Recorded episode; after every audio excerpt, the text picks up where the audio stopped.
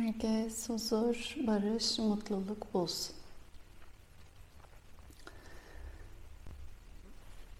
Bu şekilde pek çok çalışma söylenen bu öğreti içinde, bu dilde mantra, belli ses titreşimleri, tekrarları bunların çalışmaları var. Aslında bir nevi biz o çalışmaları şu an yaptığımız bu meditasyonun sonunda zikrederek kendi dilimizde hatırlamaya çalışıyoruz. Herkesin huzur ve barışını dileyen bir insan zaten huzur ve barışa yönelik eylemlerde bulunur. Dünyayı değiştiremeyeceğini aslında bilen insan en büyük değişim gücünün kendi iradesinde, kendi eylemleri üzerinde olduğunu bilir. Bu yüzden her birimiz başlarken güne bu dileğimiz, niyetimiz kendimize. En başta şimdi başlayan bu günle bu bedenden çıkabilecek eylemler, elden, koldan veya bu ağızdan, bu dilden çıkabilecek sözler ya da bu zihinden geçen düşünceler hepsi huzura, barışa vesile olsun. Arka planında aslında her dileğimizde kendi eylemlerimize dair de bir farkındalık etmeye çalışıyoruz. Bunu tekrar hatırlaması ve bunu ne kadar tekrar tekrar insan kendini hatırlatırsa elbette ki eylem şansı anı geldiğinde de o kadar daha farkındalıklı olabilir. O kadar daha çabuk hatırlayabilir neyi, neden, niye yaptığını. Ee, bu niyet, bu dilek bizim sadana manevi çalışmalar diyerek yaptığımız bu buluşmalarında arka planı zihni tekrar tekrar belli titreşimlere maruz bırakarak ki bu titreşimler kendinin daha uyumlu, huzurlu, varoluşla beraber kurduğu ilişkide barış ve içsel tatmin, mutluluk dolu diyelim ki özgür. Bu da önemli bir kelime. Dış dünyanın belirlediği ilkelerden bağımsız mutluluğunu dış nesnelerle bulma, arama dan ziyade kendi içerisinde, kendiyle beraber de o içsel barışıyla dış nesnelerin koşullandırmasından özgür bir hal bulmada dileği, niyeti. Bu niyetle kendiyle çalışma, tekrarlı, istikrarlı zihniyle insanın çalışması bu çalışmaların total ismi sadana, manevi, zihinsel dönüşüm adına çalışmalar. Bu niyetle de tekrarladığımız her buluşmada bir lojong sloganı vardı. Zihin egzersizleri anlamına gelen Tibet dilinde bir kelimeydi. Toplamda 59 tane slogan var. Biz daha yavaş yavaş ancak tek tek işleye işleye bazen iki tane, bugün içinde iki tane olacak ilkemiz, sloganımız okuyacağımız 19.ya geldik. 19 ve 20'yi bugün konuşacağız. 18 tanesini şimdiye kadar inceledik. Bize söyledikleri en son özellikle iki önemli slogan vardı. bir tanesi dedi ki beş tane ilke hatırlattı bize. Bu beş ilke zihnin dönüşümü adına büyük, e, yoğun çalışmalardır diye. Birisi ne yaptığınızı, niye yaptığınızı ve gittiğiniz yolu unutmayın idi. Kararlılık. Yürüdüğünüz yola dair kesin bir bakışla o istikrarınızı bozmadan devam edin. Buna adanmışlık da diyebilirsiniz. Ve insan aslında gösterdiği o dikkatini yolunun önüne gelebilecek caydırıcı faktörler veya ayağına takılabilecek taşlar, engellere rağmen yine de gidebiliyorsa bu kararlılığımızdan. Herhangi bir yolda yürürken ne kadar düşseniz de kalksanız da araya bir şey girse de nereye gideceğinizi unutmazsanız gidersiniz. Bir gün illaki gidersiniz. Ha bugün ha yarın fark etmez. İllaki gidersiniz. Bu yüzden kararlılık bize verdiği cebimize önemli bir ilkeydi ya da bunu adanmışlık diye çevirebiliriz. İkincisi aşinalık demişti. Biz bunu tekrarlı çalışma diye de yorumlamıştık. Bu yolda sizi yürüten destekleyici araçlarınız, uygulamalarınız, egzersizleriniz neyse tekrar tekrar tekrar kendinizi onlara maruz bırakın. Tekrarın kendisi çünkü daha derin paternler bir nevi aslında beyinde de belli yolakları daha keskinleştiriyor. O yüzden o yol sizin için artık daha tanıdık. Ve kolay olan dediğimiz bize aslında tanıdık olan. Şimdiye kadar hayatın içerisinde neyi tekrar tekrar yaptıysak bugün bize o kolay. Bir zamanlar o zor olan şeyler herkesin kendi profesyonel işiyle ilgili olabilir, hayat deneyimiyle ilgili olabilir.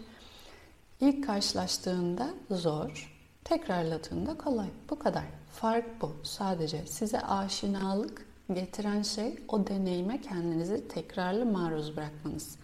Bu yüzden zihni gözlemlemek, izlemek bu konuda mı aşina olmak istiyorsunuz? O zaman tekrar tekrar zihni izleyin. Yani bu sabah yaptığımız çalışma. Eğer kendinizi daha şefkat dolu birisine veya daha anlayış, daha geniş bir bakışta birisine mi dönüştürmek istiyorsunuz? Her fırsat geldiğinde bunu uygulamaya çalışın. Bir erdemi öğrenmek de aslında o erdemi eylem anı geldiğinde uygulamaya sokmakla mümkün. Dürüstlüğü öğrenmek isteyen her fırsat geldiğinde doğruyu söylesin. Bu kadar. Bu anlamda ikincisi aşinalık tekrarlı çalışmaydı. Üçüncüsü olumlu tohum diyelim biz ona. Herkesin kalbinde içinde o daha gerçeğine veya özgürlük ateşinin de aleviyle uyanmak, uygulamak için bu uygulamaları tekrarlı yapmak için, o kararlılığını korumak için çıktığı ilk motivasyon ya da o ilk ilham ateşi neyse onun a, harını sürekli alevlendirmeye devam etsin. O olumlu tohum içinizde daha iyi bir insana dönüşmenin potansiyeli her daim saklı. Bunu kaybetmeyin, bunu unutmayın. Dördüncüsü kendine geri bildirimde. Eğer bu tohumu zaten tutarsanız herhangi bir zamanda yetişen bir yabani bitki varsa araya girmiş olan onu fark edip yolabilirsiniz kolaylıkla. Size engel olabilecek ya da bu tekrarlanmış yine alışkanlıklarla artık bir uygulama eylem olarak hayatınızda kendisini göstermesini istemediğiniz, kendinizce yanlış veya o, o uyumu bozan bir davranış daha hızlı keşfedersiniz. Bunun için geri bildirim dediğinizde sürekli kendinize dair bir ayna gibi farkındalıkla bakmaya devam edin. Ee, tekrar tekrar bunun kendisi de aslında bir hata olduğunda ya da kişinin kendini değiştirmek istediği bir yön varsa onu daha hızlı keşfetmesine yardımcı olur. Şefkat ve anlayışla, kabulle değiştirme gücü. Sonuncusuysa istek, doğru istek veya diyelim ki niyet. E, ayrımsızca herkesin her daim huzuru bulması için duanızı koruyun. Çünkü bu duanın içerisinde aslında siz de varsınız zaten. Ve ayrımının olmadığı bir yeri bilen insan herkesle her zaman beraber aslında e, zorunlu bir aradalıkta, zorunlu bir bir aradalıkta. Bir kişinin dışarıda üşümesi demek sen istediğin kadar evinde soban olsun, kaloriferin olsun senin de üşümen demek. Olacak. Birbirimizden ayrı değiliz. Büyük bir ağın içinde hepimiz birbirimize dolaylı bağlıyız. Mevlana'nın öyle bir sözü var. Dışarıda bir kişi hala üşümeye devam ediyorsa o evin içinde sen de üşüyeceksin. Bu yüzden kendi adıma neyi deneyimliyorsam, neyi istiyorsam o herkesin olsun dilerim. Kendi adıma neyi acı olarak bilmişsem dilerim herkes de bundan özgür olsun. Kimseye de bu acı uğramasın. Bir ben üzerinden sanki insanlık bu deneyimi çözmüş gibi kendinde sadece bunu da görüp kabul edip başkalarında herkesin aynı o olumlu güzel deneyimleriyle varlığını devam ettirmesi dileği isteğini de koruyun. Bu da zihnin aslında kapsayıcılığını, geniş bakışını her daim korumasına yardımcıdır demişti. Bunu sadece yaşamda değil, ölümde de hatırlayın dedi sonra. Sıradaki en son okuduğumuz slogan buydu. 18. Sadece bu beş ilke yaşamınızı değil, ölüm anınızda da zikrinizde ve zihninizde olsun. Bu anlamda çünkü insan nasıl yaşıyorsa öyle ölüyor. Bu kadar basit. Nasıl ölmek istiyorsak hepimiz hangi düşüncelerle, nasıl bir zihin haliyle belirleyen an şu an. Çünkü şu anda nasılsam bu gece uykuya öyle gidiyorum. Şu an neyi düşünüyorsam, bugün içinde neler yaptıysam gece yatağa başımı koyduğumda onları hatırlıyorum. O zaman son bir an varsa son bir gece gözlerimi kapatacağım.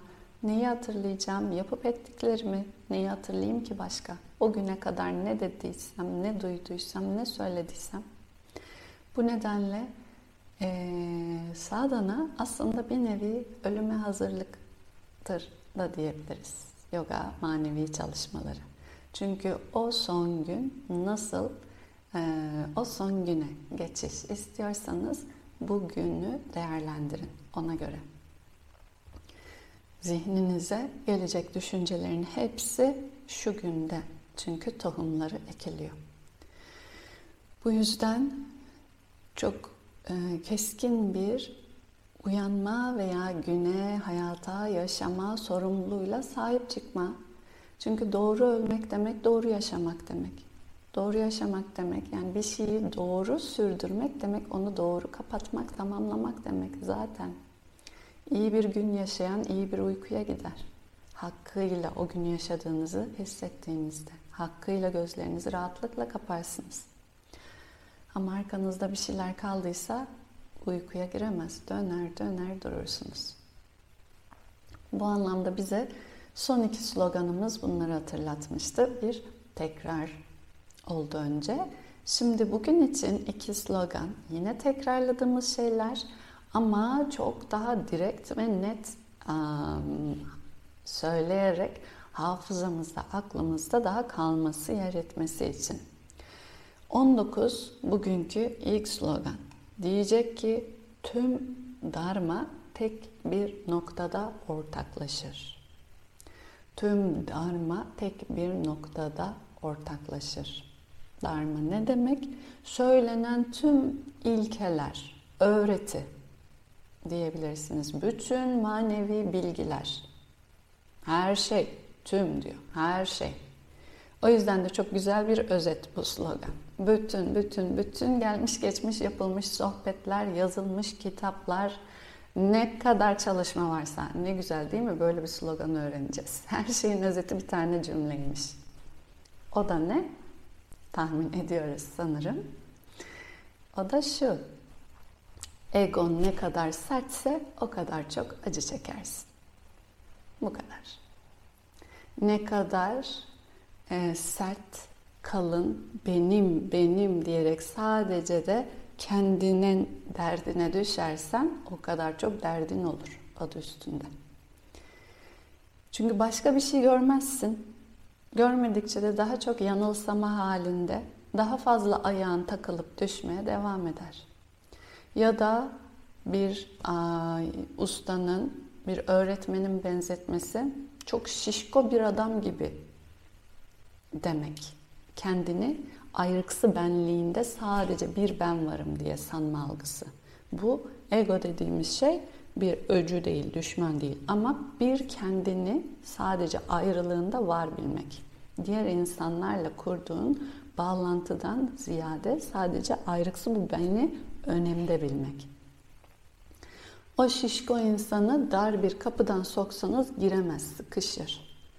Böyle bir benzetme yapmış ne kadar kendi o kimlik sınırlarınız sert köşeli ise ne kadar bir kendinizi sadece önemde biliyorsanız kendi arzularınız veya işte istemedikleriniz her neyse o kadar sıkışacaksınız hayat tünelinden geçerken.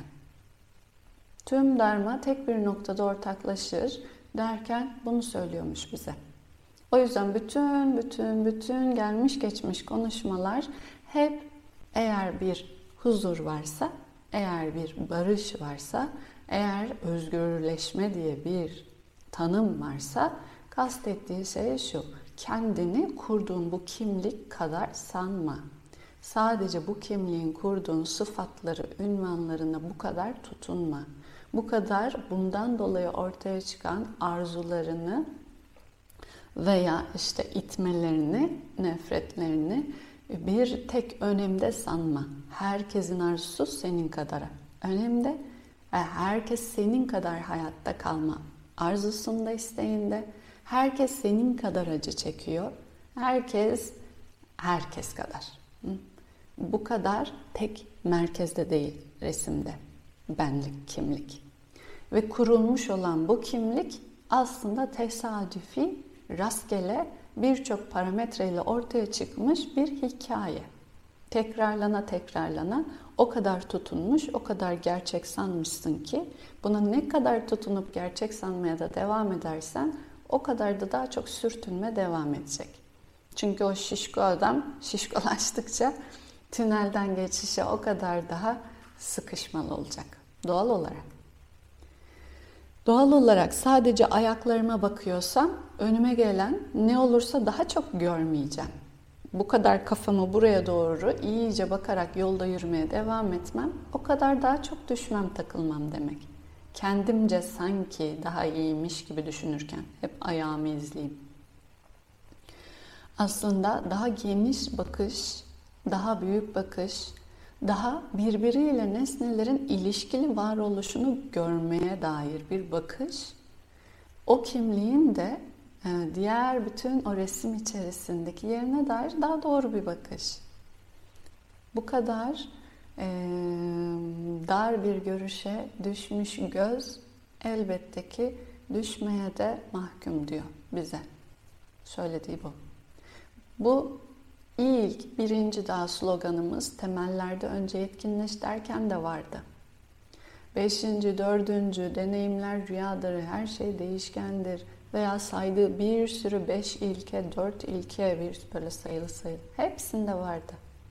Hepsi temel olarak şunu dedi. Arzu, istemek ve istememek. Üzerinden kurulmuş hayatı yaşamaya devam etmek, kendin üzerinde sadece odaklı bir hayat yaşamaya devam etmek acıya da mahkum. Çünkü niçin böyle? Çünkü olan olduğu haliyle görmediğim için. Ben sadece beni burada bu duvar taşıyacak, illaki taşıyacak diye bir şeye tutunursam duvarın ne yapısını görürüm, ne arkasını görürüm, ne neyle desteklendiğini görürüm. Görüşüm çarpıklaşır.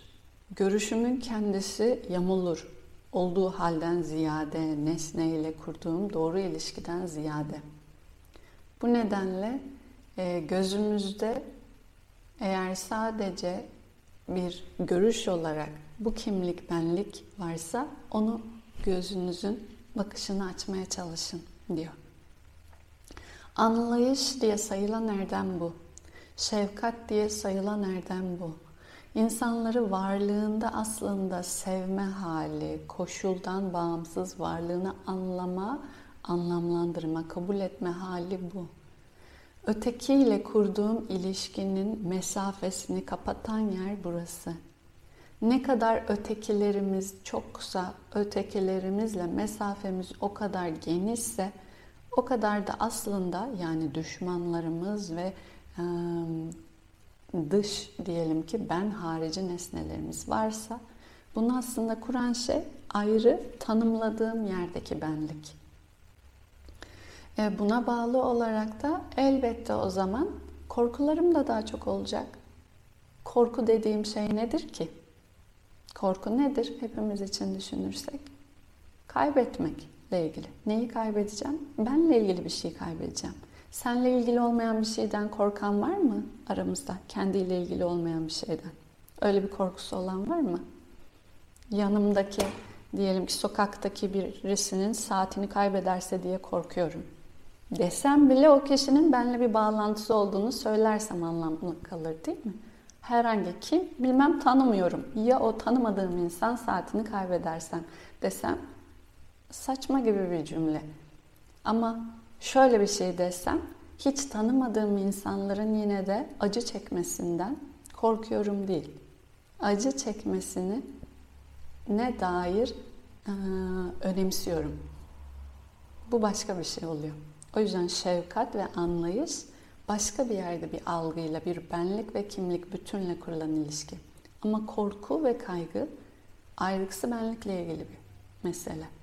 Hayır dediğimiz bir kavram var kendi kültürümüzde. Hayırlı olsun, hayırlısı olsun. Her şerde bir hayır vardır. Hayır olan şey zaten bütünle uyumlu olan şey. Zaten o zekanın içerisinde bütün parçaların beraberliğindeki en iyi şey. Bu zeka onu biliyor mu? Bilseydi ona iyi derdi. Şu an kelimeyi öyle anlatmaya çalışsak bile. Aslında arka planında hayır kelimesinin neyin o bütünün dengeye hizmet ettiğini ben bilmiyorum saklı. Parantez. Bu yüzden hayır diye bir kelime var. En iyisi olsun dediğimde bile iyinin ne olduğunu ya da bilmiyorum. Spesifik o cümleyi tamamlamaktansa dilerim beş kazağın olsun bu sana iyidir demek değil. Dilerim iyi olsun. Beş kazak mı, üç kazak mı, on kazak mı ben bunu bilmem. İyinin ne olduğunu. Onu bütün bilir. O yüzden hayır kelimesi bütünün parçalarının birbiriyle kurduğu ilişkiyle ilgili tekil bir algıdan ziyade daha geniş bir bakışta olmakla ilgili. Bunun kendisinin içinde bir korku var mı? O zaman onun içinde ha beş, ha on, ha kayıp, ha kazanç. Yok. Hayır kelimesinin içinde ne kayıp var ne kazanç var. Çünkü zaten her şey en güzelinde, beraber bütününde, destekte. Arzu veya yani üstüne çekmek ya da çekmeyerek kaçmak ya da korkmak diyelim ki sadece o tek bir parçanın iyisini iyi sanma gafletiyle ilgili. Parçaların birbiriyle kurduğu ilişkide daha bütüncül bakıştan ziyade. Bu nedenle bize tüm darma tek bir noktada ortaklaşır diyerek ne olur lütfen kendinize dair herhangi bir acıya, herhangi bir sıkışmaya, sıkıntıya düştüğünüzde neyi görmüyor gözüm diye sorun. Neye bu kadar kendi üzerime odaklı kalmışım diye sorun diye hatırlatmaya çalışıyor hepimize. Bu yüzden de bütün manevi yollar ister yoga, ister kendi kültürümüzde başka öğretiler, başka coğrafyalar hep şöyle çalışmaları ya da şöyle um, uygulamaları öğütler paylaşın, verin. Bu ne demek? Öteki aç mı? Onu düşünün. Öteki üşüyor mu? Onu düşünün. Ötekinin hastalığı, acısı var mı? Onu düşünün. Başkalarıyla beraber kurduğunuz ilişkide onun, onların ya da bütünün hayrı denilen yerde eylemlerinize motivasyon, ilham olarak seçin. Kendinizi değil sadece. O zaman daha ilahi bir yerden de, daha büyük bir yerden de bir bağlantı olmaya başlayabilir. Bu bize tüm Dharma tek bir noktada buluşur diyerek 19. sloganın hatırlattığı.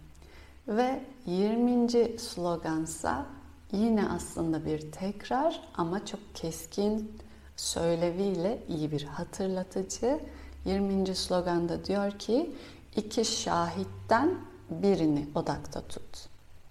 Şimdi bize sanki aynı şeyi söyler gibi başka bir şey diyecek. İki şahitten birini. Şahit kelimesini kullanmış ama. Arzu kelimesini kullanmamış. Kimin arzusu, isteği varsa onu önde tut dememiş. O yüzden deminki tüm darma tek nokta da ortaklaşır derken tüm öğretiler benliğin, kendiliğin kurduğu arzu sıkışmasından ziyade bütünle ilişkisiydi ama iki şahitten birini odakta tut dediğinde şahitlikte, gözlemde ise gerçekliği kuran gözün temelinde de bu göz olduğunu unutma. Şah sanki benlikle ilgilisi bize iki ayrı benlik tanımı verir gibi. Bir, kurduğun bir kimlik var. Onu bir ben sandığın. Ona dedi ki bu kadar önemseme. Ama o kimliği, benliği izleyen biri var bir de şahit olan. Deneyimlerine şahit olan bu kimliğin. Ya da dışarıdaki deneyimlere. her tür deneyime. O şahitlikte ilkini odakta tut. İlki kim? Ben. İzleyen ben. Ama o deneyimi isteyen, arzulayan da ki değil. Gözleyen ben. Bir hata olursa hani kendine geri bildirim ver dedi ya önceki ilkede. O geri bildirimi kim verecek? Şahit olan ben verecek. Hatayı yaparken hatayı kim görüyor? Ben görüyorum. Yalanı söylerken kim görüyor yalan söylediğini? Ben görüyorum. Dışarıdan birisi sana yalancı dese ona şahit olan yine sensin. Başkalarının deneyimleri veya ortak deneyimlere başkalarının yargı ve yorumlarından ziyade tarafsız yorumda, gözleyen bakışında kendi gözünü önemde tut. Bir yerde bu. Fikirlerini önemde tut demiyor dikkat. Şahitlik olanı tut diyor. Senin fikirlerinin önemli demiyor. Senin doğruların en önemli demiyor. Ama şahitlikte şahit, gözlem, izleme yetisi ve becerisinde ki bu tarafsız bir ışık tutma halidir. Oradaki o göz bütün deneyimleri de önceden başka sloganlardan da hep bunu konuştuk. Bütün deneyimleri var eden aslında o saf izleme ve görme gücünle burası. O göz ilkini odakta tut dediğinde ilki olan göz. Tüm deneyim çünkü ne olursa olsun verdiğim kendime dair bütün arzular, isimler, biçimlerde ne olursa olsun ben bunu görüyorum dediğim yerde gerçek. Yani bunu fark ettiğim yerde gerçek. Buna biz işte farkındalığın boş doğasını fark et gibi sloganlar ettik. Değişkenlikte olan deneyimleri gör, rüya gibi gör gibi sloganlar dedik. Yine bize onu söylüyor. İki şahitten bir tanesini odakta tut. Şahit sensin. Nihai şahit sensin. Bütün görsel deneyim ne varsa gözümün önüne hayat diye gelen her birine gören temelde bu ardındaki göz. E, bu bakışın kendisini sürekli derinleştirmek ve gözlerindeki yanılsamayı varsa onu da fark eden çünkü ben düşürmek adına farkındalıkla çalışmaya devam etmek. Kendine geri bildirimi, olumsuz yönlerini törpülemeyi, hani o yine öncesindeki bir ilkede saydık, pişmanlığı, doğru eylemi üzerine uygulamaya çalışmayı, bu eylemde kararlılıkla kalmaya çalışmayı ne olursa olsun şahitlik, arka planda gözleyen, izleyenle temel ilke, temel aslında hikayeyi kuran da ardındaki benlik diyelim. Görünen benliğin ötesinde saf farkındalık olarak kendini saklayan ben. Orada arzu, istek, nitelik herhangi bir reke yok. Renk yok. Sadece gözlemenin gücü var. Ve gözlemenin gücü muazzam önemli. Çünkü bütün e, deneyim herhangi bir şeye var diyorsam gördüğüm için. Görmediğim bir yerde deneyim yok zaten. Uykudaki gibi. Uykunun içerisinde hiçbir deneyim yok, hiçbir arzu yok. Çünkü şahitlikte olan kimse yok.